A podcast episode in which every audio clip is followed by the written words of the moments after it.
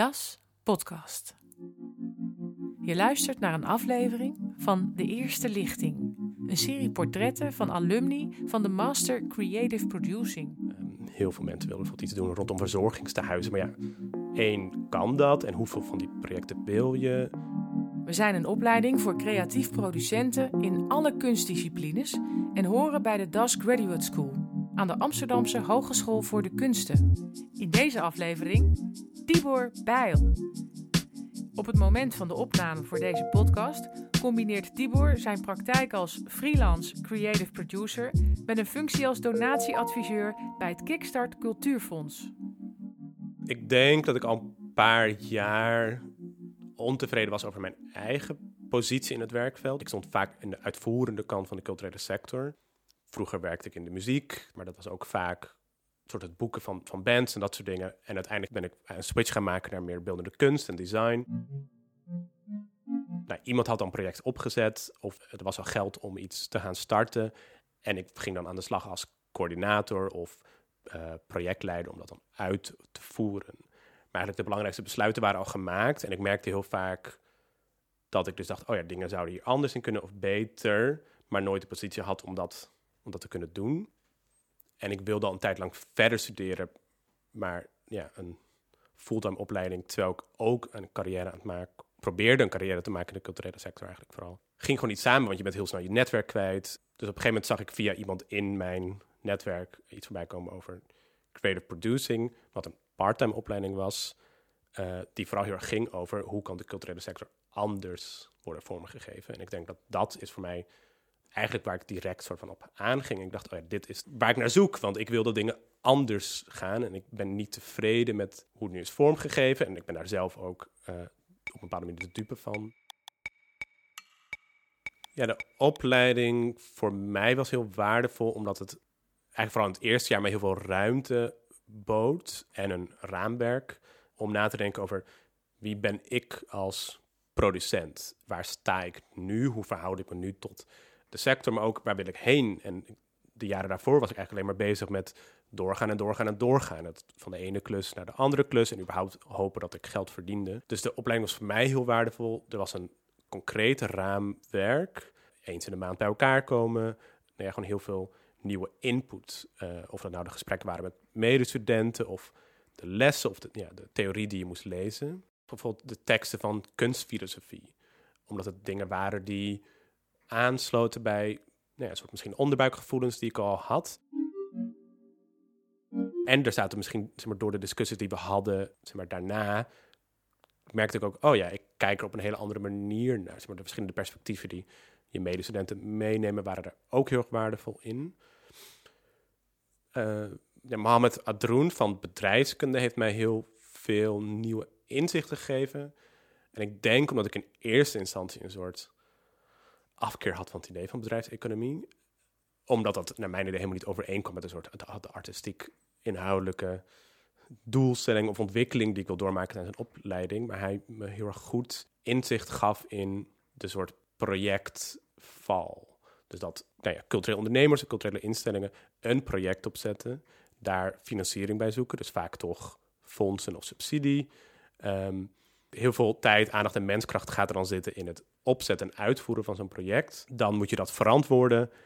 En eigenlijk ga je dan gelijk weer door naar het volgende project. En nou, daar, gaat, daar gaat er heel veel kennis en energie verloren. En ik vond het heel waardevol dat hij toen zei: zorg dat elk project wat je opzet drie andere uitingen kan hebben. Dus zeg maar dat je nadenkt over. Ik heb nu een voorstelling gemaakt, uh, bijvoorbeeld, en die gaat over, ik zeg maar wat, um, die gaat over de zorg. Maar daardoor heb je ook heel lang misschien met mensen gesproken of heb je partners vanuit de zorg gesproken.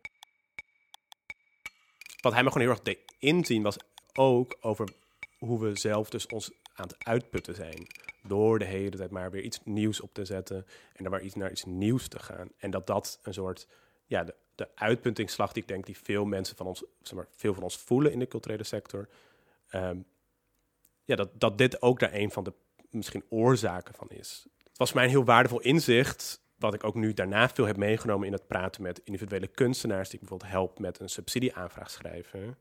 Omdat ik altijd zeg, er is een kans dat je het geld niet krijgt. Maar denk er pas na over ik heb heel veel tijd besteed aan deze tekst. Ik heb heel veel tijd besteed aan mijn project mooi verwoorden. Ehm, als ik deze subsidie niet krijg, is er dan misschien iets anders wat ik ermee kan doen. Hoe maak je van een theatervoorstelling een podcast? En dat de uitkomst misschien uiteindelijk niet is wat je had bedacht aan het begin. Maar dat kan heel waardevol zijn. Een clubcollectief, eigenlijk de twee oprichters van Barnan, Barnan uh, die hadden mij benaderd om hun soort meer een beeldende kunstuiting toe te voegen aan hun uitgaansavonden. Uh, en ik hielp hem met een projectvoorstel. Uh, vanuit de opleiding was er maar het idee van mede-eigenaarschap.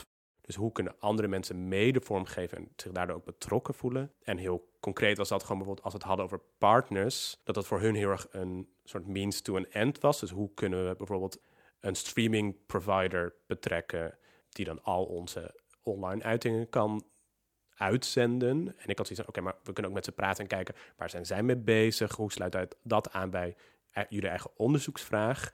En ja, kunnen we ze wat ruimte geven om dat daar een eigen invulling aan te geven? En voor nou ja, Barnan als organisatie is het waardevol omdat zij een partij hebben die zich betrokken voelt en daardoor zich misschien nou ja, ook meer inzet, maar ook een eigen netwerk en kennis uh, meebrengt en het project daardoor alleen maar versterkt. En dat betekent misschien dat nou je, je originele idee iets gewijzigd is of dat je daar soms concessies in moet doen, maar dat is volgens mij heel waardevol omdat het veel meer een project wordt wat door meerdere mensen wordt gedragen dan dat het iets is wat jij wil dat wordt mhm. uitgevoerd door bepaalde mensen. En wat mij aantrok aan het creative producerschap is dat het die dingen eigenlijk niet los van elkaar wil zien. Dus hoe jij je gemeenschap betrekt, dat dat kan helpen met nieuwe vormen van financiën openen. Doordat je ook zeg maar, breder denkt dan alleen maar je fonds of je subsidie en het dan uitvoeren. Maar een soort de wisselwerking tussen deze pijlers of tussen deze krachten. Ja, de afgelopen jaar, of zeg maar 2020 voornamelijk, ben ik dus naar Eng bezig geweest met het afstuderen. Um, en daarnaast werkte ik als producent bij Stichting Taak. En als tijdelijke stafmedewerker bij het Amsterdamse Fonds voor de Kunst. In de regeling Beeldende Kunst, Film en Erfgoed. Ook een tijd meegewerkt in het Snelloket. En het Snelloket was eigenlijk een vrij snelle reactie van het AFK op corona. Waarbij ze zeiden, oké, we willen zorgen dat mensen dingen kunnen blijven maken. Dus dat was ook best veel ruimte voor makers. Dus mensen konden het project insturen en er werd heel snel naar gekeken. En er werd vrij coulant eigenlijk ook over beoordeeld. Van, nou ja, is het kunst die gaat over corona... Of doen ze op een of andere manier iets met de coronamaatregelen, dus iets met de anderhalf meter. Dat kon online zijn, maar dat konden ook één op één performances zijn. Dus ik werkte met mensen binnen het AFK die ik nog nooit had ontmoet, met wie ik dan deed het aan het videobellen was over projecten, terwijl we ook onszelf allemaal net aan het aanpassen waren aan een soort nieuwe corona-realiteit. Ja, het was heel gek. Um, heel veel mensen wilden bijvoorbeeld iets doen rondom verzorgingstehuizen, maar ja, Eén, kan dat en hoeveel van die projecten wil je?